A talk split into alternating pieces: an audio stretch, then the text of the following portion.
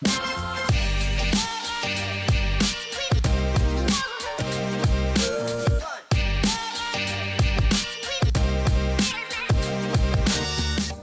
velkommen til en Breaking Marathon Limits podkast. Fredriks Road to Valencia, episode 12.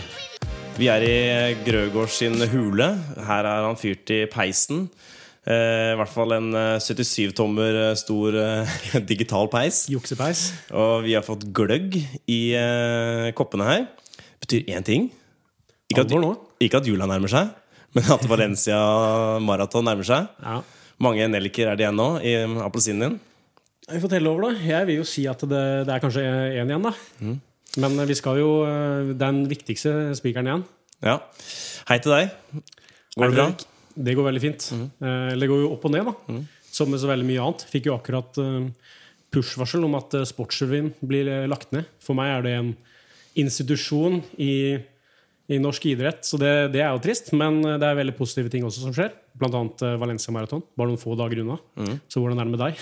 jo, det er, eh, går absolutt opp og ned her òg. Det, det kan vi jo snakke mer om seinere også. Men det er jo virkelig en paranoid sjel som sitter og, i stua her. Så godt, godt jeg kan varme meg rundt en kopp her. For jeg, jeg føler alt, og alle er sjuke. Jeg føler på alle symptomer sjøl.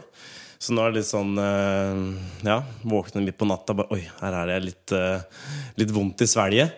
Og, og så eh, er det borte igjen når jeg står opp. Så det er på en måte, ja, jeg kjenner på alt. Men det er jo sånn det skal være. Det betyr bare at uh, Jeg husker når jeg gikk opp til eksamen, hvis jeg følte at jeg var nervøs, det var et godt tegn. Så nei. Om, man er, om jeg skulle bli forkjøla eller et eller annet, så får det en bare skje. Uh, så lenge jeg kan løpe. Og jeg klarer å puste. Så stiller jeg opp til start. Så har du tatt uh, sveisen nå, ser jeg. Ganske rask. Jeg skal kalle det en sportssveis. Ja, jeg sa til eh, frisøren at jeg skal ha den raskeste sveisen du har i, i, i fingra. Så da fikk jeg en, eh, en rask en. Så det var ikke for å fjerne gram, men det var for å ventilere og få en rask sveis eh, som mulig. Så Veldig det- kledelig. Og aerodynamisk også rundt ørene. Så det Ja. blir bra, det. Det, det var ikke for bildene, men hvis de blir fine, så får det være en bonus. Nei, det, man, Her gjør man det man kan. På, på hjemmebane så jeg, ligger ting lina opp og klart. Eh, Så eh, ja, vi håper at eh, ting er på stell. Men det er jo bare Det er litt fjernt. Søndag så løper vi. Så vi teller ned. Men uh, før, uh, før vi hopper inn i uh, Før vi hopper inn i uka Så jeg vet at du har vært på sånn der, studietur, hvis Ja. vi kan kalle det det. Ja, Vi sitter her nå på onsdag denne uka. da. Det er jo seneste vi har spilt inn i denne serien. Det er grunnen til at jeg var på en sportsvaremesse i München som heter ISPO. Det er vel verdens største sportsvaremesse, så det var jo en skikkelig godteributikk for oss idrettsinteresserte. Så der var jeg med en, en god kamerat. Eh, Jeg driver et uh, lite selskap med to kamerater. En av de er jo broren min. Så der var vi nede og, og møtte litt uh, forskjellige uh, type leverandører og sånn. Så det var veldig spennende. Det var over 120 land representert her nede. Så um, der fikk vi litt innblikk i hva som, som kommer i bransjen i fremtiden, og også litt mer innsikt i det som er her nå. Da. Så det var, det var veldig kult. Er det noe du kan røpe av kule ting som kommer? Eller er det noe du Det er ikke store hemmeligheter, men, eh, men ja. F.eks. I, i idretter som, eh, som er på, på god framgang, da, som eh, padel, da, så var det veldig mye ny teknologi som, som ligger der. Så folk vet å utnytte de, de bransjene som er i vekst. På, på løpebiten så var det veldig mye ny tekstil og sånn som er interessant. Så det er bare å følge med. Eller eventuelt komme seg på ISPO neste år. da. Ja. Vi, eh, vi har jo en litt annerledes episode eh, i dag, fordi eh, vi skal jo først og fremst snakke om hovedpersonen. Valencia Marathon. Den personen der, den, eh, den må jeg dykke inn i denne episoden her. Hva skal vi gjøre eh, dagen før? Hva skal vi gjøre på selve dagen før startskuddet går? Og hva skal vi gjøre underveis? Så vi har eh, det er, det er mye viktig å prate om der. Eh, og, så jeg føler nesten bare vi skal eh, hoppe inn i eh, uka som har vært. Det har vært en litt eh, småturbulent eh, uke. Men eh, kom meg gjennom oppturer og nedturer. Ja, så eh, Sats på det bare går oppover. Nei, vi hopper inn i forrige uke, og så ser vi hvordan den gikk. Good.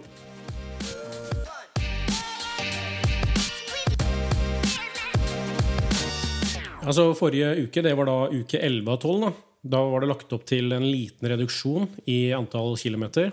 Vi opprettholdt intensiteten på kvalitetsøktene, men gjorde de litt mindre. Så som vanlig, fridag på mandagen. Du kom jo fra en ganske tøff langtur, så vi respekterte den skikkelig i ettertid. Og så ble det en 10 km jogg og stigningsløp på tirsdagen før ukas øh, første kvalitetsøkt kom på onsdagen. Og mm. da, da, hadde du jo tima tilrettelagt, og planen var å løpe klokka ja, tilsvarende tidspunkt da, som, som, du løper i Valencia, for å gjøre liksom, det til en sånn slags generalprøve. Og så ringte du meg på, på formiddagen her på onsdag, og da hadde ikke alt gått som det skulle. Kan du si litt om det? Ja, eh, det var det jeg var klar til å egentlig Jeg, jeg dro ned på Bislett. Der var det åpent.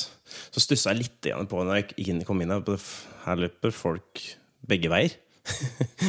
Eh, det var ikke fordi at det var noe 24-timersløp, for det var jo noen dager etterpå. Men så viste det seg at uh, Jeg tenkte ikke mye mer på det, så jeg skifta. Så var jeg klar, altså, klar for å starte løpet, og så får jeg en telefon da han skulle løpe med Ottar. Han sa at uh, det er en dårlig nyhet.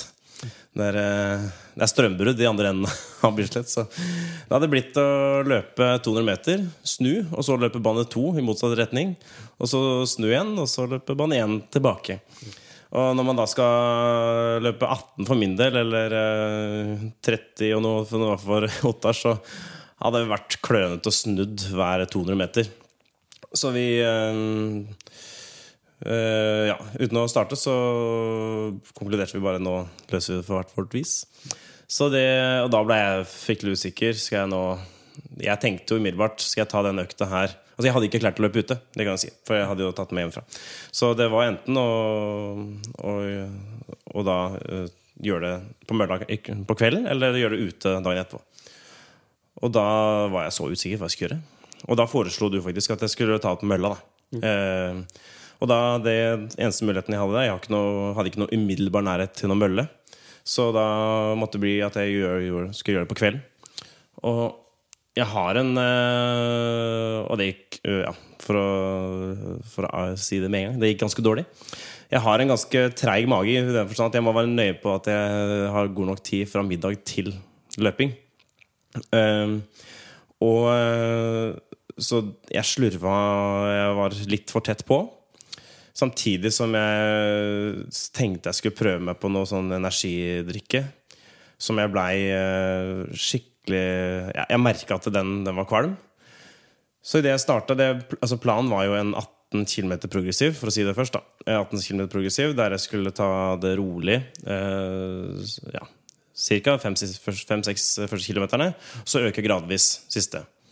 Så det blir relativt tøff økt. da Jeg merka at uh, når jeg bare skulle begynne å øke, så ja, jeg hadde lyst til å kaste opp. Så tre-fire ganger så måtte jeg ta beina på enden på mølla bare for å komme meg. Så ja, nei, det var eh, Så hvis jeg hadde pusha hardere, så hadde jeg rett og slett kasta opp. Og det var sånn eh, Jeg syns det var så tungt å innse at nå må jeg bryte en økt. Det er eh, rett og slett i løpet av disse tolv ukene så har jeg vel Det er kanskje én økt det er noen få økt, nei, det er ikke mange økt, nøkkeløkter. Da. Det er kanskje én nøkkeløkt jeg har mista. Langtur pga. noe sykdom. Utenom det så er det ikke mye jeg har brutt altså, i løpet av den perioden her. Så jeg tenkte nå, og så skjer det nå, liksom. Men så øh, Nei, jeg var liksom helt sånn Hva, hva skal jeg gjøre? Det sitter skikkelig inni. Men øh, hadde en øh, bra prat med broren min, og han sier på måte er det, no, er det noen ganger som man skal bryte en økt, så er det kanskje nå. Fordi det er nå du skal hente inn overskudd. Så det var, eh, ja, nei, det var kjedelig å liksom ikke kunne gjennomføre en økt. Eh, du får miste litt sånn Får litt sånn selvtillitsknekk. Uh, spesielt når Altså, jeg kunne pusha meg og hadde kanskje kasta opp. Det hadde kanskje vært hakket verre, for da måtte jeg fylt opp med annen næring, og det hadde tatt noen timer før jeg hadde lyst til å ha mat igjen. Så det, ja, det var noen uh, Ja, jeg i stand Jeg klarer ikke å pushe meg så hardt at jeg, liksom, til jeg må ligge der og kaste opp. Så godt og vondt på den biten her. Så nei, vi, det ble rett og slett at det ble 14 km istedenfor 18. Mm. Og det, ja, det, var, det var liksom kjipt, merka jeg. Men, ja. Og da snakka vi jo sammen dagen derpå. Jeg var litt spent på hva som hadde skjedd. Og ikke minst om vi kunne ta noe læring ut av det. For, sånn, for, for oss mosjonister så er det sånn Ja, det er kjedelig å, å ikke kunne gjennomføre en kvalitetsøkt, men det er det det er. på en måte. Det er ikke noe, det er ikke noe mer hokus pokus enn det. Hvis det her er liksom en eliteutøver, så er det mer kritisk da, hvis du over tid ikke får gjennomført kvalitetsøkter fordi magen slår seg vrang. Så, men bare sånn i utgangspunktet, altså jeg tenkte ingen krise at du ikke får gjennomført en økt akkurat sånn som står i planen. Um, og bedre at du gir deg mens leken er god, enn at du går på en smell. Uh, men så er det selvfølgelig kanskje noe vi kan lære av det her. da, så vi unngår at det her skjer når det virkelig gjelder, da, i mm. Valencia. Så da er det jo en måte det med, med timing av næringsinnhold og sånn. Kanskje mm. man kan lære noe av det. Um, du hadde jo i utgangspunktet lagt til rette for at du skulle løpe på tilsvarende tidspunkt som i Valencia, og så, så blir man det hele dagen snudd om. Og det, det kan være skjebnesvangert for, for en vanlig mosjonist. Men sånn, selvfølgelig, greit bare å notere seg hva, hva gikk gærent. Uh, og liksom bare uh, finne noen uh, ting som man kan sette fingeren på, som man unngår da, når, når det virkelig gjelder. Mm. Og det virka som du hadde allerede funnet ut av. Ja. ja. Man kjenner jo kroppen sin, så man vet når man skal spise middag opp til uh, før en sånn økt. Så jeg skal ha en økt i kveld igjen, og da, da, måte, da, tenker man jo på det. Man har mm. lagt opp at man skal slippe å legge planer on the fly. Måte, her, er det, her, er det, en plan, så da må man gjøre endring på den. Og, så da, da, da, skjer det sånn som det her, rett og slett. Så det er derfor er det så viktig at man har tenkt på hvordan man skal gjøre det på selve dagen. Mm. Men det var jo en ting der, da, fordi du da når vi snakket dagen derpå, ja. og ikke fikk gjennomført hele økta, mm. så var du innom tanken på en måte De resterende kilometerne som jeg ikke fikk gjennomført i går, skal jeg legge på de i dag istedenfor. Mm. Og den, sånn er det jo veldig vanlig at man tenker da inn mot en maraton. Liksom, man ønsker å få gjort den jobben som står i planen. For liksom, man tenker på en måte at planen er perfekt, og så skal man gjennomføre planen akkurat sånn som det står. Men det er ikke nødvendigvis sånn at det er perfekt. Um, og, og, det å skulle ta igjen trening i en sånn fase som er inne i nå, det har ganske liten hensikt. Nå, nå, handler det om å bygge opp mer enn det du bryter ned. Og, og det å skulle ta igjen litt trening i etterkant av en sånn økt hadde bare brutt deg ytterligere ned. da. Så det er bare å, å, svelge den Det er ikke noe kamel engang. Det er en liten nellikspiker. Svelg den unna, og så bare komme seg videre til, til neste økt. da. Ja. Så det, og det gjorde jeg jo for så vidt også. Det, mm. det var ikke noe som satt uh, i det magetrøbbelet der. Så er den rolig igjen. Uh, to dager etterpå. Og så ble det en, uh, en ny økt på søndagen. Ja. ja. Og det var da siste kvalitetsøkt før Valencia. Um, I utgangspunktet så var den lagt opp da åtte dager før, men det ble jo da av praktiske hensyn syv dager før. Og det var da en klassisk uh, intervalløkt som vi har lagt opp til tidligere, med to serier av 3-2-1 km. Så tolv totalt. Ja. Og tanken var jo da noe sånn som maratonfart på 3 km, halvmaraton på 2 km og ned mot 10 km fart på 1 km. Ja. Og der eh, Jeg er ikke innmari stolt av eh, Jeg er på en måte fornøyd med farta, men jeg, er jeg surra litt der på, for å finne riktig fart. Første drag, eller første serie, så ble det 4.14 på 3 km. Eh, det er jo etter boka. Så det er jo det som er da, det jeg tenker som er maratonfarta. Eh, på to kilometeren så var det 4.07. Som jeg tenkte da Det var da halvmaratonfarta. Det tenkte jeg var litt seint, men eh, det var en vending halvveis, så jeg tenkte at den burde egentlig vært litt lavere. Men eh, den vendinga tar jo fort noen et sekund eller to, så det får nå være. Og så ettkilometeren. det var på 3.52. Tenkte kanskje den burde vært litt raskere, men det var litt småvind akkurat den retninga altså der, så har noe skyld på der. Da jeg skulle tilbake i en ny, ny, serie, så gikk jeg da rett på 404 på 3 km. Så der bomma jeg ganske greit med å da finne tilbake til farta. Men da føltes det greit. Jeg hadde innmari stive bein i første serie. Og plutselig sånn løsna det. Så jeg følte at jeg måtte da tenkte nå må jeg kompensere litt igjen på eh, to kilometeren. Og da ble jeg fire blank. Eh, tenkte den Og så ble det 3.52 igjen da, på siste kilometer. Så kanskje kilometerne burde vært litt raskere. Jeg vet ikke. Men uh, ja, jeg syns det var en fin prog progresjon da, i, i økta. Mm. Ja. Veldig bra. Og tilbake på den her um, sletta, da. Så du ser jo du løper um, 12,5 km står det på, på, Strava, og så har du 15 høydemetere. Så det er jo paddeflatt, fint. Ganske um, tilsvarende på en måte terreng og underlag da, som du møter i Valencia. Ja. Og um, en, en, uh, veldig godt gjennomført økt, vil jeg si. da. Mm. Så jeg vet ikke hva mer det er å si om den, men uh, Jeg syns det, det var rart å være ferdig med en økt på under en time. Så det er, det er noe som har skjedd med hodet mitt der.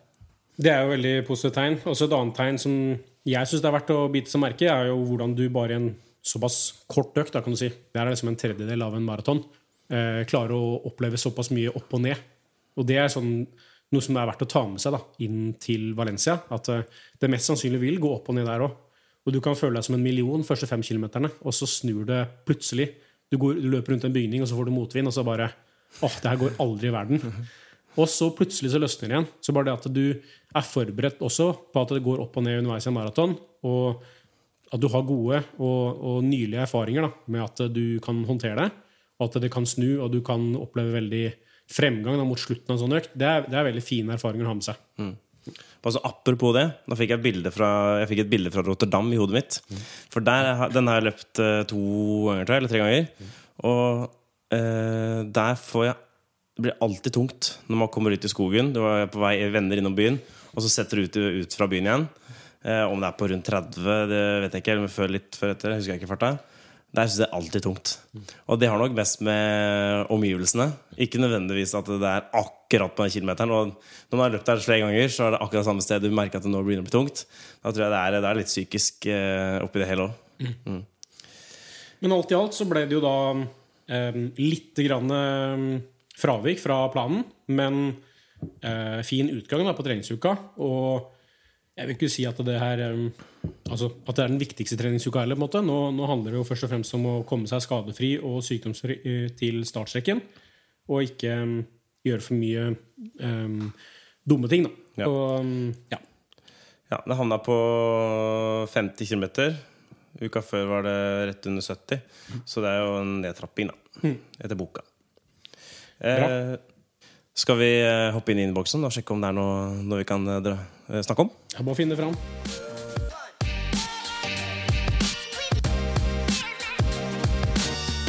Da åpner vi opp eh, eh, innboksen på eh, plattformene våre, og det blir et annerledes eh, runde nå, fordi vi har fått egentlig flere like spørsmål. Eh, så eh, tenkte jeg bare å samle litt opp.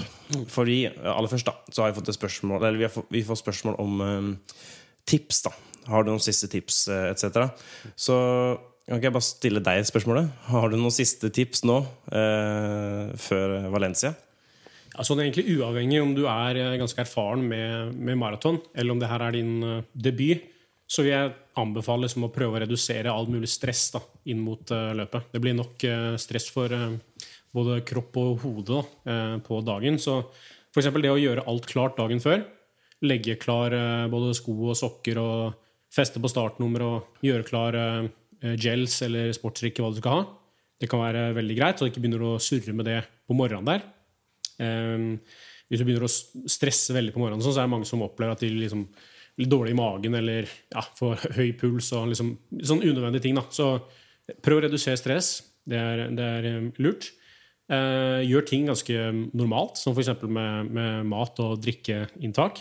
Eh, du kan gjerne unne deg litt ekstra karbohydrater og, og redusere litt på fiber. Så det er ikke sånn den uka her at du skal følge helsemyndighetenes råd for kosthold. Det er litt forskjell på eh, sportsernæring og sånn helsegunstig ernæring over tid.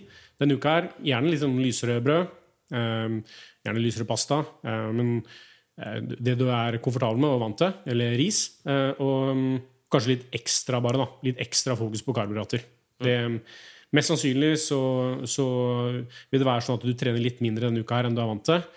Og, og da får du på en måte en sånn bare i seg selv der, da, litt sånn enkel eh, carboloading. Og så kan du være litt ekstra bevisst på karbo, så, så er vi der. Og du kan også kanskje unne deg litt ekstra salt på maten da, denne uka her. Eh, en annen ting som det er å angripe løpet. Eh, Istedenfor det å grue seg til at det blir vondt, så gled deg til å løpe en storbymaraton eh, i god form. Altså Det er et privilegium å komme dit du er nå. Det er en seier i seg selv. Komme til startstreken, være i god form. Og, og det er utrolig kult. Og at det liksom, du løper på en måte på rød løper da, gjennom en storby. Det er ganske fett. Um, så det prosjektet her har på en måte vært en suksess, uavhengig av resultatet i løpet. Og for din del nå, Fredrik, du har igjen fått løpinga inn som en rutine i hverdagen. da. Og Det, altså, Løpegleden har jo blomstra i, i, i, tråd med det nå over de siste ukene. Så jeg syns vi allerede har kommet langt dit. Så det, ta med deg det inn i løpet. Og som sagt, det blir tungt. Det blir vondt. Eh, det kan skje ved 5 km, eller det kan skje ved 35 km. Eneste som er sikkert, er at det, blir tungt. Eh, og da handler det først og fremst om å eh, være bevisst på det og ha noen, noen, noen knagger å, å, å, å, ta seg til, og liksom vite hvordan man skal angripe der. Da. Så enkelt og greit, så altså, det å bare rettferdiggjøre den treningsjobben du har gjort nå over tolv uker, det kan være eh, Det kan hjelpe deg når, når, det begynner å bli tøft. Altså Jeg har faktisk giddet å stått i det nå på tolv uker med trening. Eh, nå skal jeg virkelig rettferdiggjøre den treningsjobben og stå i det også liksom, siste delen, som er bare eksamen.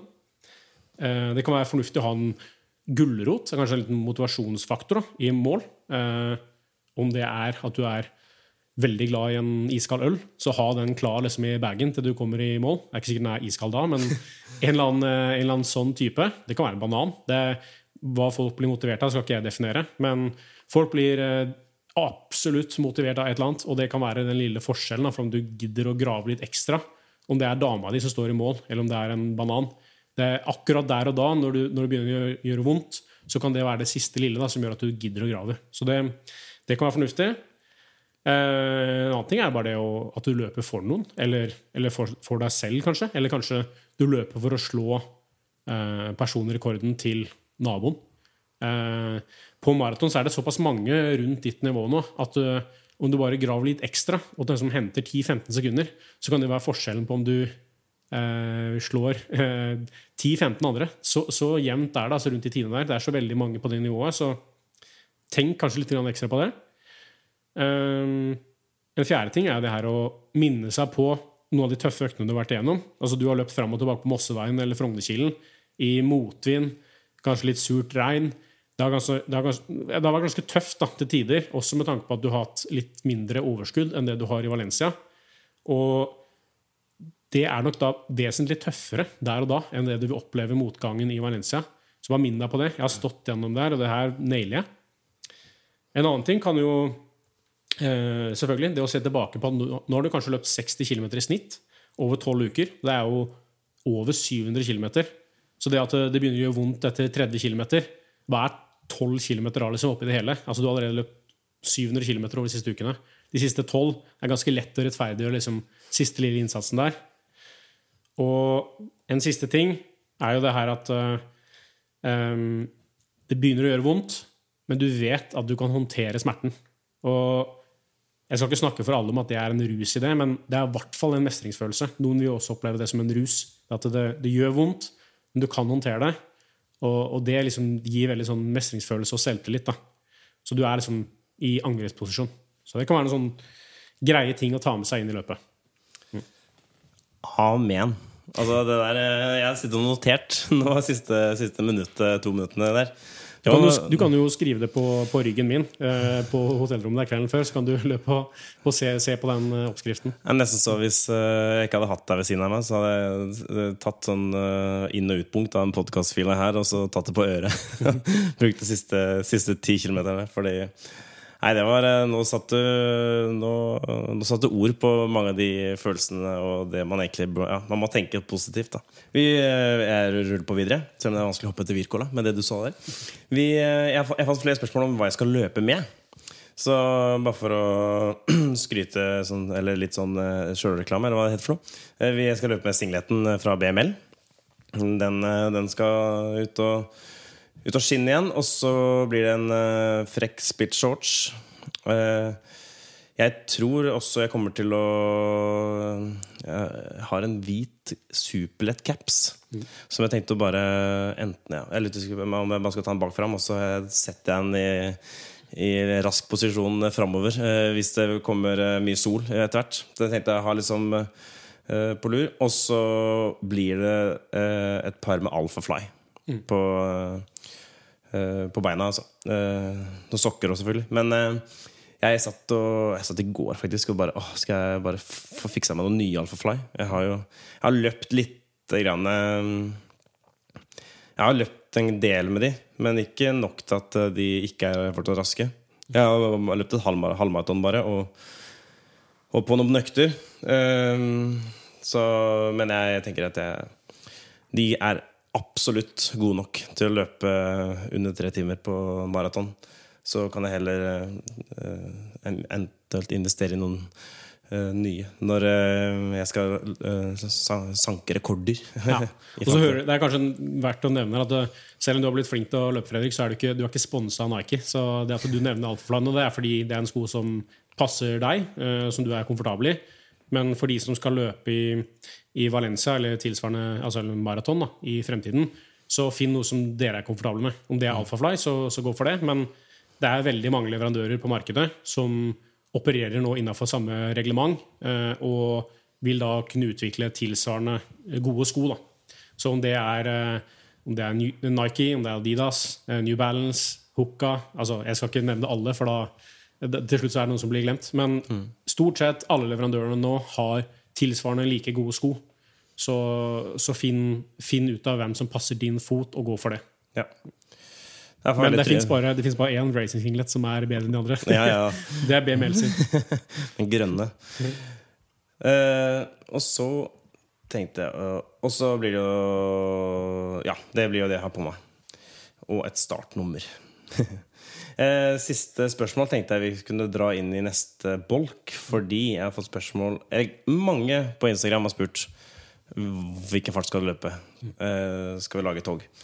Så jeg tenkte det kunne bli en fin overgang eh, inn i neste spalte eh, denne uka her. Eh, og da er Valencia Marathon en del av den spalten.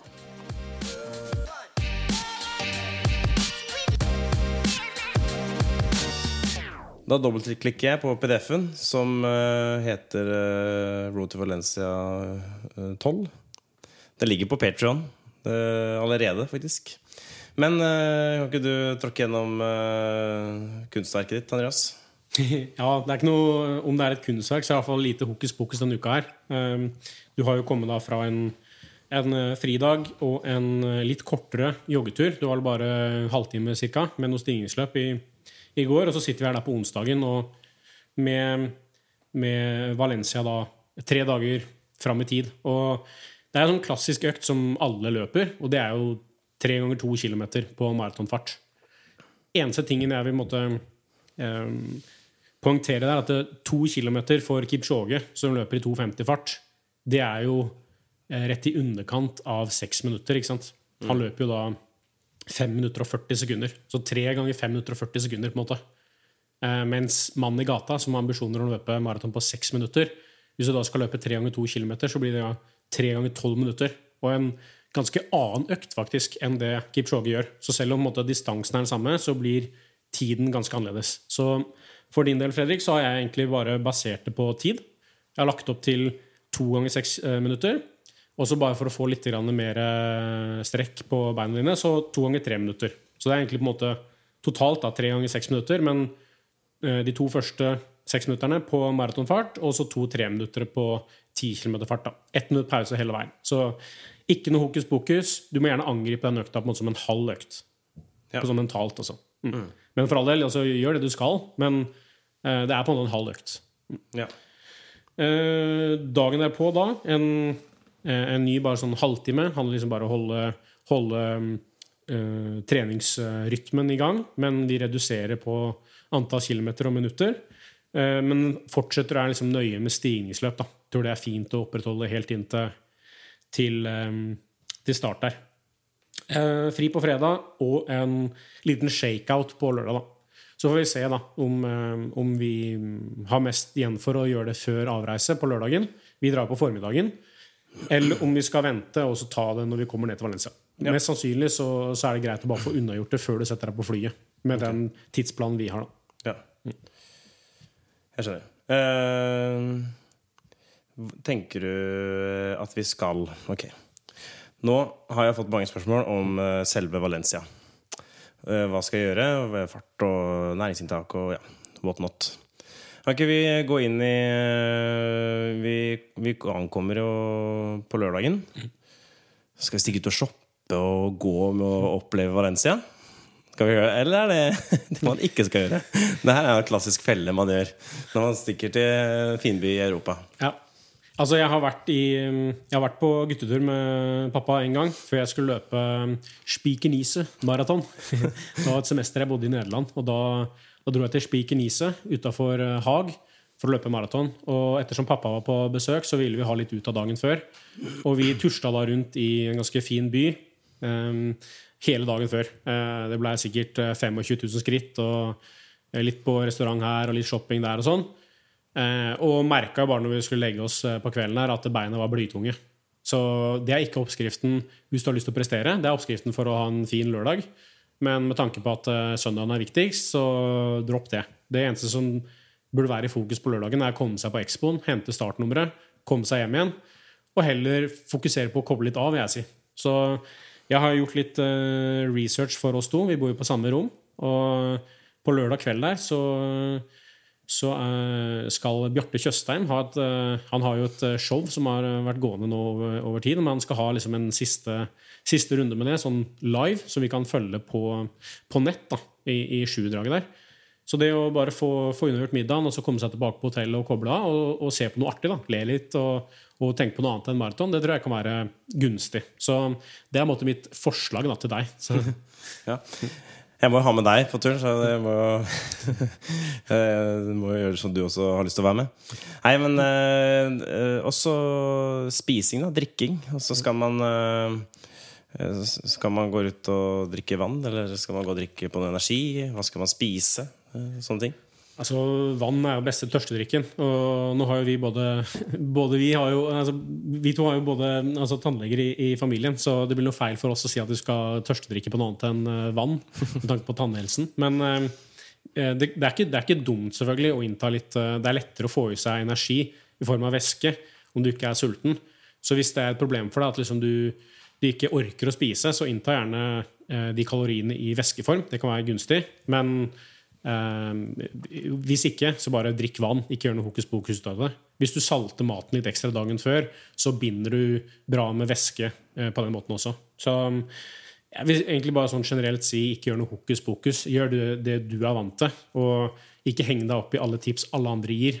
Altså, Jeg hadde jo besøk av Lars Kristian Eriksen her i Hula, og han snakka om uh, en carboloading på cornflakes. Og det tror jeg fungerer veldig bra for han. Han er vant til det. Så det er liksom det kan være helt perfekt for han uh, for å fylle glykogenlagrene. Hvis du ikke er vant til det og ikke er så veldig glad i cornflakes, så ikke begynn med det akkurat nå. Gjør det du er vant til. Om det er um, å spise brød, så kan du kanskje spise litt lysere brød. Hvis det er å spise pizza, så spis heller et ekstra pizzastykke. Mm. Så lader du litt mer bare på det. Så ja, egentlig bare gjør det du er vant til, og så kanskje være litt uh, ekstra sjenerøs med porsjonen. da. Men ikke noe sånn voldsomt. Ja. For min del har jeg gjerne spist pasta med kvelden før. Og egentlig det jeg har gjort de siste gangene. Så prøve å Jeg kommer nok til å søke opp et pastasted. Og Så uh, For å se om uh, Så får du gjerne bli med på det. Hvis du har lyst til det Men mange, mange spiser jo mye annet òg. Mm. Så det her er jo litt sånn hva en sjøl uh, liker best. Og så handler det om å ikke virkelig være kreativ kvelden før. Mm. Magen har nok med sikkert å komme til utlandet. Så prøv å bare gjøre det du eh, kjenner til best sjøl. Er det noe mer å nevne noen tips du har før, uh, før vi legger oss søndag kveld? Nei, altså bare... legge, legge, klar uh, alt av klær? Ja, jeg har jo sett det på, uh, på, Instagram opp igjennom at det viktigste å få gjort unna, er å få tatt det her bildet på Instagram eller på Snapchat. Der hele trikotet ligger kunstig tilrettelagt med skoa nederst. Så for all del, gjør gjerne det om, det om, det kan motivere deg. Om du kan få noen lykkeønskninger ut av det. Eller så bare koble av den dagen. Eh, og det er jo helt individuelt hvordan folk gjør det. Men finn, altså bare gå for det som du er komfortabel med. Ja. Høres bra ut. Eh, og så altså Her kan man ta ting på minutt for minutt. Jeg skal bare si natt til et maraton. Jeg sover alltid dårlig. Mm. Jeg sover skikkelig dårlig. Jeg, får, jeg vet ikke mange timer eh, kvalitet jeg får natt til, uh, til maraton. Og det slår jeg meg til ro med, at uh, om man sover dårlig, så, så, så, går ikke det nødvendigvis ut over selve løpet. Mm. Fordi så lenge man har sovet relativt greit de dagene før, så, så klarer du fint å gå gjennom en, eh, en dag, egentlig på basis også, uten å ha hatt noe særlig timers søvn. Så jeg sover alltid dårlig natt til maraton, eh, og, eh, og, har, og det har gått fint for min del. Ja, og jeg har hørt flere som har blitt olympiske mestere eller verdensmestere eller vinner Champions League-finale, som ikke har sovet et eneste minutt dagen før. Så det er, ikke, det er ikke det du blir dømt på, det er liksom hvordan du har sovet den siste uka. Så prøv heller å tilrettelegge nå de dagene her. Få litt eh, ekstra bra søvn, eh, så er mye gjort. Så kan du tillate deg å sove dårlig siste natta. Da har du så mye adrenalin på startstreken, forhåpentligvis, at det har ingenting å si. Ja. Og så et på løpsdagen. Eh, jeg er en pulje som starter kvart over åtte. 08.15. Eh, da kan jeg måte, før jeg kaster ballen over til deg, kan bare si litt hva jeg har gjort tidligere. Jeg har egentlig stått opp og egentlig eh, tatt på meg løpesko med en gang og bare løpt i ti minutter. For da har jeg følt at uh, jeg har fått i gang systemet, så jeg får gått på do. Så det har jeg gjort de siste gangene. Og bare liten tur bare for å, bare for å få i gang systemet, rett og slett. Og så tilbake. Uh, liten eh, frokost. Egentlig bare få i meg uh, nok til at jeg bare får liksom en mettes... Spise normalt, men nå er det ganske tidlig start. Det er begrensa hva man orker å spise i nå. Men, eh, og det er ikke det du spiser på frokosten du drar nytte av i løpet av, i løpet av løpet heller. Så eh, klokkeslett jeg skal stå opp, er jeg litt usikker på. Men eh, i hvert fall sånn at det ikke blir stress. Og det er jo litt sånn individuelt. Jeg var jo i Valencia med noen kamerater eh, i fjor. Der eh, samtlige, utenom meg sjøl, debuterte. Og det her var jo ting som, som de var veldig interessert i i forkant. da, Om eh, tidspunkt de skulle stå opp da, eh, på maratondagen, og hva de skulle spise frokost. Og vi hadde jo konkludert med da, siste vi gjorde før vi gikk og la oss på lørdagskvelden, om at det var bare en enkel frokost som gjaldt. Om det er liksom en loffskive eller to med syltetøy. Bare lett. Og, eh, for det er jo det du tar med deg i magen gjennom løpet. Så ikke gjør noe voldsomt ut av det. Men det første som skjer, da, selvfølgelig, det er jo legen iblant oss. Han eh, møter opp og, og bare fylle på med egg og bacon. For det er liksom, da, da loader du skikkelig. Da. Hadde glemt alt de hadde snakka om på lørdagskvelden. Og, og får jo selvfølgelig som Jeg skal ikke si som fortjent, men, men du får en mage deretter. Da. Så da var det dobesøk eh, både før og etter start. Og eh, ikke den beste opplevelsen sånn sett. da.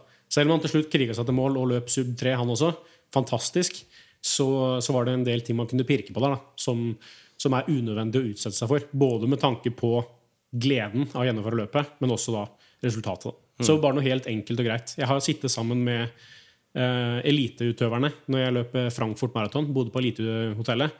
Da var det folk som skulle ut og løpe 2.04-2.05. Og de satt altså med loffskiver og reiv av skorpene. Og så bare maula de innholdet i loffen. Så det er ikke, det er ikke hokus pokus. Bare få i deg noe lette, raske karbohydrater, og ikke, ikke for mye. Men bare ja. det, du, det viktigste er å spise godt dagen før til, til lunsj og middag. Noen tar kanskje eh, Imodium til, til frokost òg. Den eh, egentlig, det er vel en diarémedisin som skal gjøre at du ikke går på do eh, på noen timer. Eh, jeg har aldri tatt det før, og sitter og egentlig har tenkt at jeg kommer til å ta det, men jeg tror kanskje at jeg ikke skal ta det, for jeg har aldri hatt problemer med å måtte gå på do. Nå jinxer jeg jo garantert det, da. men jeg har ikke tatt det før, så jeg er litt sånn, litt sånn redd for å bare hive meg ut på noe jeg ikke har testa. Ja. Jeg vil si at du allerede nå konkluderer for deg sjøl. Er du usikker, vær skråsikker på at du ikke skal. Ja. Ja. Så, men eh, det er iallfall noe som eh, vi har hørt mange bruke. Så det er jo og så, ja, jeg tenker nok at eh, for eh, ja, du, eh, dere som lytter, at man eh, ikke la det bekymre. For jeg har blitt usikker nå i forkant. Skal jeg bruke, skal jeg ikke det? Hadde det liggende på, på badet. Så da tenkte jeg åh, det her skal jeg bruke. Men ja, da bestemmer jeg meg for det. Da greier jeg ikke å ta det med en gang. Vi nærmer oss startskuddet. Når skal vi møte opp bort ved startsområdet. Hva tenker du? Vi bor jo, altså vi, folk bor jo forskjellig Vi bor halvannen kilometer unna, så vi kommer sikkert til å rusle bort. Ja. Det jeg kan si, er at på en sånn, eh, sånn dag der det er Det kan være fra 20 til 50 000 løpere da, i de her store maratonene, så blir det alltid kaos. Det gjør det. Det blir kø, og det blir vanskelig å beregne tid. Så sørg bare for å ha god nok tid. Eh, hvis du må være ute i veldig god tid, så, så sørg for å ha med deg litt ekstra klær, eh, så du ikke fryser. Det, det er veldig lurt. Nå, nå har det vært spekulert veldig åssen vær det blir på, på dagen i Valencia. Det ser ut til at det blir ganske optimalt løpevær, men det vil jo også da være litt kjølig, kanskje, eh, før start. Så kanskje ha med en, en lett eh, overtrekksbukse og jakke som du enten leverer i posen til eh, altså rett før du går til start, eller noe som du på en måte bare kan kaste rett før start, og som kanskje da blir, blir um, samla inn til et veldedig formål. Men bare sørg for ikke å fryse før start, for det, da sløser du med ganske mye energi. Og sørg for å være ute i god tid. Uh, hvis du tenker sånn um, Jeg skal være der en time før, så, så blir det mest sannsynlig tre kvarter. Bare fordi at det, det, du mister 15 minutter et eller annet sted. Mm. Så bare sørg for å ha en liten sånn sikkerhetsmargin. Og som for vår del, som har booka et hotell halvannen kilometer fra start, så kan det være veldig greit å bruke den halvannen kilometeren som oppvarming. Da. Det kan være veldig gunstig. Ja. Og, eh, og så finner vi da pulja vår, eller starts, eh, startspuljeområdet. Eh, og nå går vi litt inn i planen vår, da, for hva vi skal gjøre. Jeg eh, har jo, eh, som eh, da jeg meldte meg på Det var jo nå, flere måneder siden. Jeg plotta inn egentlig bare hva, hva jeg har gjort før, og det er jo 246. Så det vil si at jeg fikk jo en pulle som, som da er sub 250. Eh, Så jeg føler meg definitivt ikke hjemme der jeg, der jeg er plassert. Men det er nå der jeg er. Så det blir nok Så det jeg kommer til å det ut, ja, siden, siden de tolv ukene her, da, så har jeg på en måte peila meg inn på at eh, jeg føler at jeg starter helt i blinde, men jeg er nok, eh, vil si at jeg er en sub 3-løper. Eh, så om det er to vil, det, er, det er fælt å si det, men om jeg er en 2.55 eller en tretimersløper, det er Jeg syns det er vanskelig å si. Men eh, jeg føler at jeg er i hvert fall en sub 3-løper, så det vil si at eh, Og er eh, du, du har stilt noen gode spørsmål, Andreas. Hva er du fornøyd med? Men jeg er på en måte Det er litt sånn er jeg, Kommer jeg i tre timer, så er jeg egentlig fornøyd. Om jeg løper på 2.55 eller 2.59, det har egentlig ikke så mye å si for min del. Fordi det er, det er ikke pers. Jeg har eh, Jeg vil si at jeg er veldig fornøyd hvis jeg kommer meg under tre timer. Nok en gang. eh, Når det er så lenge siden jeg har løpt en maraton sist. Så enkelt og greit. Eh, Tre timer, sub, ja, 2.59,59, det er 4.15-fart. Og det vi da kan ta hensyn til, er sånn at du står på en måte da i feil pulje. Så kan vi i hvert fall vise respekt for de som ønsker å løpe under 2,50. Så vi kan i hvert fall trekke oss litt bak i den pulja. Da. Så eh, Det kan også være hensiktsmessig med tanke på at de som løper foran i den gruppa, de har nok litt høyere ambisjoner og vil da løpe ut en litt høyere fart enn det du har tenkt deg. Så det er lett å bli eh, revet med. da. Så vi trekker bare litt, er litt sånn ydmyke og trekker litt bak i feltet, så, så går nok det veldig fint. Og kjenner jeg øh, folk rett, så er det nok ikke jeg den eneste som sikkert har kanskje gått på en smell i treningsperioden og har senka ambisjonsnivået litt. Så jeg tror ikke vi eh, blir helt bakerst i gruppa. Men øh, jeg har fått sånn apropos eh, spørsmålsrunden i stad. Jeg har fått veldig mange spørsmål på hva skal du løpe på, og skal vi lage en pulje. Og skal, Ja. vi lage en, nei, skal vi lage tog. Og det er jo alltid bra med tog.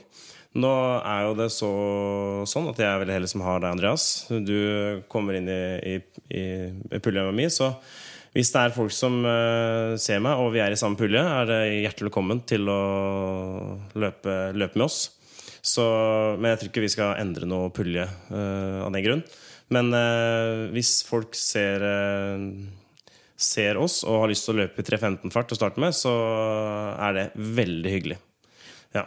Ja, hjertelig med, velkommen med på, på toget. Eh, men eh, vis respekt for hverandre hvis dere er mange som har samme mål, og ikke løp og prat. Det er ganske ofte, altså det er ofte sånn at eh, man har en ganske høy ambisjon, og det kan bikke den ene eller andre veien om du sløser med kreftene underveis. Så spar så mye som mulig med krefter. Ikke løp og prat, og, og overbevis noen om hvor lett det her er. Eh, ta heller den praten på banketten etterpå. Da kan dere kose dere og, og snakke om erfaringer. Akkurat underveis i løpet så sparer dere kanskje noen pulsslag bare på å la være å prate. Og de pulsslaga de, de tar du med deg utover løpet. Så ja. Det føles innmari lett de første eh, par kilometerne. Uansett. Men ja, altså sånn angående pacing, så, så er egentlig spørsmålet om hvor grådig du skal tillate deg å være. Og dette her er din avgjørelse. Det er ditt mål. Det er din eksamen. Så det er du som må ta eierskap til det her, Fredrik. Og jeg vil jo si det er realistisk for deg å løpe et sted mellom 2,55 og 2,59. Eh, og så er det liksom bare sånn risiko, risikovurdering. Da. Om du skal tillate deg å prøve å sikte på 2,55, eller om måte, ikke det betyr noe særlig mer å løpe 2,56, 57, 58 eller 59. Og du er jo inne på det her. 2,59 er det som gjelder. Og da, da, tenker jeg at vi skal prøve å løpe så jevnt som mulig for å oppnå det. Altså Man snakker veldig ofte om negativ splitt, og det er ikke noe mål i seg selv. Altså Hvis du løper 1,32 første halvdel, og så 1,28, og kommer inn like over tre timer, så ja, du har oppnådd negativ splitt, men du har ikke lykkes likevel. Nei. Så da kan du kalle det som en, altså en målforskyvning. Da. At mm. negativ splitt blir målet, men du oppnår kanskje ikke det øverste målet. Da. Så ambisjonen burde være å løpe så jevnt som mulig. Og så er det jo sånn at det er ingen som sitter med fasiten eh, på nøyaktig hvor god du, god du, er i teorien. Eh, I tillegg så er det vanskelig å gjennomføre i praksis. Så, og, og ikke, ikke, ikke, minst det her med dagsformen. Den, den, kan eh, variere ganske mye. Så det er også en ukjent variabel for oss. Eh, så vi får operere med en slingringsmann, men ettersom målet på en måte er å løpe under tre timer, så prøver vi å løpe så jevnt som mulig. Ta sikte på ca. 1,30 halvveis, og så et knepp raskere. Da. Hvis du henter inn ett sekund på andre halvdel, så er det på en måte suksess. Mm. Hvis vi kunne fått en god opplevelse, så er det en utopisk eh, drøm. så vi, eh, vi, vi, prøver på å sette farta, og eh, burde ikke være så mye raskere enn eh, Jeg tenker ikke så innmari mye raskere enn eh, en halvannen time på første halve. Så får jeg heller eh, ta, ta, det litt deretter. Men det er i hvert fall planen. Og, og så kjenne på litt underveis, rett og slett. Vi eh, eh, av, drikk, nei, av energi underveis så kommer jeg sikkert til å Jeg har med meg Jeg kommer til å, jeg er ikke sponsa noen ting men for min del så er det of Norway som har fungert. Jeg har mye annet har jeg blitt dårlig i magen av, rett og slett. Så det er det som fungerer for meg. Og da kommer jeg nok til å ha med meg tre, nei, fire eller kanskje fem. Som jeg kommer til å begynne å ta fra, fra første Kanskje ta første på fem kilometer kanskje, allerede. For det tar fort litt tid før de begynner å øh, ta effekt. da og så blir det da selvfølgelig Powerade som de serverer av drikke underveis. Og da prøve å få i seg det man klarer der. Banan det kan jo være hvis det frister. Men uh, det, det, vet jeg de serverer. Men uh, sånn kaffe og cola og sånne ting, det, det, kommer jeg ikke til å, det kommer ikke jeg til å forsyne meg med. Nei. Nei. Så er det veldig fint i Valencia. Eh, kanskje ikke mest miljømessig beste, men i hvert fall praktiske for løpere, er jo at de deler ut noen drikkeflasker. Så om ikke du spotter de sjøl, skal jeg i hvert fall prøve å hjelpe dem å få tak i en vannflaske. Og det kan jo gjelde også for de andre som skal løpe i Valencia og høre på her. Eh, prøv å ta med en vannflaske, og ta den med dere så dere får ned alt innholdet. Dere må ikke innta den vannflaska i løpet av 200 meter. Dere kan jo faktisk løpe med den i en kilometer eller to eller tre. Og bare spe på litt her og der. Mm. Eh, så ikke, ikke, kast den med en gang fordi du ikke er liksom tørst akkurat der og da. Eller du er redd for å få pulsen akkurat der og da. Spe det litt utover. Det kan være fornuftig. Ja. Det kan jo koste litt på pulsen òg hvis man driver og bruker masse energi på å få i seg alt med en gang. Mm. Så, ja.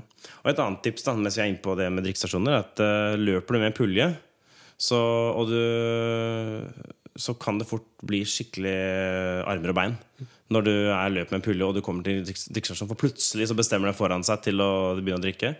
Så da er det, altså det aller beste er jo å kunne måtte, enten uh, drikke da, egentlig kanskje rykke ikke rykke, men måte, kanskje ligge i front. Mm. Ligge litt, uh, få noen meter i forkant. Uh, eventuelt uh, motsatt vei, at du slipper det, men da må du hente det inn igjen i så fall. Men prøv liksom å, å komme deg litt sånn Prøv å la, la deg litt space, da. Så ikke, du, så du ikke må stoppe opp for mye, eller at du krasjer med noen. Eller noen sånne ting at, eh, I hvert fall så må du snu og gå tilbake for å finne. Så det er på en måte det der er litt sånn der, bingo. Det der, går det bra eller går det ikke bra? Så bare prøv å ta, gjøre det så safe som overhodet mulig. Det er et veldig godt poeng. Og det ser du altså, I de store pullene så er det et kjempe, kjempeviktig poeng. Der kan det bli kaos. Men det kan jo også bli kaos i en mindre gruppe. Så det senest i OL i fjor at Abdomi, franskmannen, prøvde å ta med seg første glasset. Og Reiv med seg alle glassa. Så kan det jo selvfølgelig spekuleres i om det var med vilje eller ikke. Ehm, jeg har hørt at det, han bedyrer at det ikke var med vilje. Andre er nok ikke fullstendig enig med han i det. Men, men det er fort gjort at uh, den koppen du har peila deg inn på 20 meter her framme, den forsvinner rett foran øya på deg. Og det er veldig frustrerende. Så vær litt årvåken der. Og, og, og, sørg for å ha litt plass rundt deg, så du får tak i en, uh, et glass. da. Fordi det å ta i seg et glass når, det, når, du står stille, er ikke vanskelig. Men når du kommer i 12 km i timen, eller kanskje opp på 18 km i timen, eller hva folk har ambisjoner å løpe på, så, så er det litt vanskeligere. Mm. Noen flere, og så nærmer vi oss nå egentlig de siste ti kilometerne. og det går det jo ikke an å planlegge for. Så da er det egentlig bare å få fram uh, de orda Andreas uh, leste inn i stad. Og prøve å tenke de positive, finne de gulrøttene man har. Og, og prøve å altså Det er egentlig gjennom hele løypa. Finne raskeste vei hele veien. Du skal ikke drive og løpe ut av løypa og hoppe over barrikadegjerdene. Det er ikke det. Men uh, er det en uh, Ikke nødvendigvis løp rett bak han andre hvis du ser at det er en rett strekning. Altså, det er vanskelig å forklare liksom, når man sitter i, og snakker på radio, men ofte så legger folk seg naturligvis til enden. Liksom, løper på høyresida eller venstresida av veien.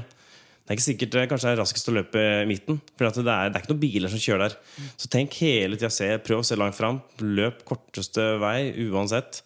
Uh, så ikke løpe opp på, opp fortauene, men hvis det er uh, prøv, å, prøv, å, spare det du kan, for det er, eh, det er, det er ikke Det er arrangør sitt ansvar for at det skal være Og det, de er profesjonelle, liksom, så det er, det er ikke sånn at det skal være så lett å snike. Men prøv å søke raskeste vei. Eh, og minste motstands vei, rett og slett. Ja. Og i de store maratonene så er det veldig enkelt. Det er markert med en eh, blå strek gjennom eh, hele løypa i asfalten. Så på lange strekker kan det også være veldig fint å legge seg inntil den streken. For hvis du skal løpe 1 km rett fram og ikke har noe særlig fokus underveis, så kan det hende at du shiner litt i asfalten og løper noen meter ekstra. Så hvis du bare har et forhold til den blå streken og bare følger den hele veien, så er du ganske sikker på at du løper raskeste vei. Da. Det er der løypa er kontrollmålt. Yes. Og da har vi kanskje en eh, plan. Uh, mer er det kanskje ikke med å si. Eller vi kan snakke her i evigheter om, uh, om alt og ingenting. Man kan synse opp og ned og alle veier, så, men da, det blir bare tomme ord etter hvert. Jeg tenker vi runder av nå etter hvert. Vi, vi Det er jo litt vanskelig å altså, Det er jo så masse bra folk som skal ned. Av, så det blir jo litt vanskelig å samles der nede uh, av naturlige årsaker. Du kjenner jo til Det er kanskje ikke de største lokalene som hadde vært gøy å bare fått samla flest mulig etter et løp, men den banketten, den, uh, den virkelige banketten, det får jeg heller ta på julebordet uh, neste uke. Mm. Så der har jeg fått plass til noen flere der. Så hvis folk har lyst til å melde seg på, så er det bare å gjøre det via ja, Vi legger ut en link på Eller ligger fortsatt ute kanskje en link på Instagramen vår i bioen der. Hvis lyst de møtes. Så det blir jo da torsdagen eh, i etterkant av Valencia Marathon. Og da, da, har vi jo faktisk en eh, fellesøkt først med Break Metal Limit, som alltid. Torsdagsintervall. Og så blir det da bankett hos eh, Rodrigo da, på Aymara etterpå. Så mm. der kan du få både sportslig og usportslig innslag den kvelden. Så det er fortsatt noen ledige plasser, som sier, og jeg håper at vi fyller opp, da. Forventer du at jeg skal møte opp med friske bein på torsdagsintervallen? Nei, er, du skal få lov til å slippe torsdagsintervallen en uke her. Jeg skal ikke sette opp noen treningsplan for deg kommende uke. Så legge igjen Jeg skal ikke si legge igjen sjela og legge igjen livet i løypa i Valencia, men, men rettferdiggjør de tolv ukene du har gjort med trening, og tenk at nå kan jeg unne meg noen rolige uker etterpå det her. Så jeg skal iallfall ta i nå som jeg har muligheten. Ja. Men kommende uke så kommer vi til å lage en Det blir en, i hvert fall en episode til Eh, en liten race report av hvordan det gikk, og der vi kan eh, evaluere eh, uansett utfall. og så er det alltid gøy å, om vi skal synse litt veien videre. Men i hvert fall se på hvordan løpet gikk, og hvordan disse ukene har vært. Jeg kan i hvert fall si nå, før, vi, før startskuddet går, at det har vært en utrolig kul reise.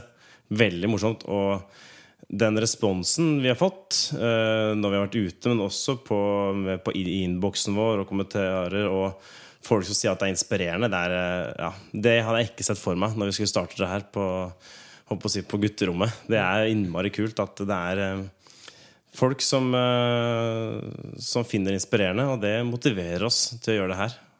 Mm. Absolutt, det kan jeg understreke. Og jeg syns det er veldig Gledelig å se at uh, du igjen har fått uh, løpinga inn som en rutine i hverdagen. Uh, for tolv uker siden så, så, var det et strev å komme seg på trening, og du fant ikke tid eller motivasjon til å, til å løpe så mye. Men nå løper du en 12 kilometers intervall og tenker at jøss, under en time med intervall, det var jo, det var jo ingenting. Så vi har kommet ganske langt hit. og det er jo fint å høre at det har, har gitt deg glede på veien. Og at det, jeg håper jo også at det er noe du vil ta med deg videre. Så kan vi si at Valencia maraton Vi kan godt sette et utropstegn etter det, men jeg håper det blir en komma, ikke en punktum da, i din videre satsing. Mm. Jeg tror det blir siste ord. Noen møter vi kanskje i Valencia. Hvis ikke så snakkes vi igjen om en uke. Vi ses på andre sida. Lykke til. Tusen takk.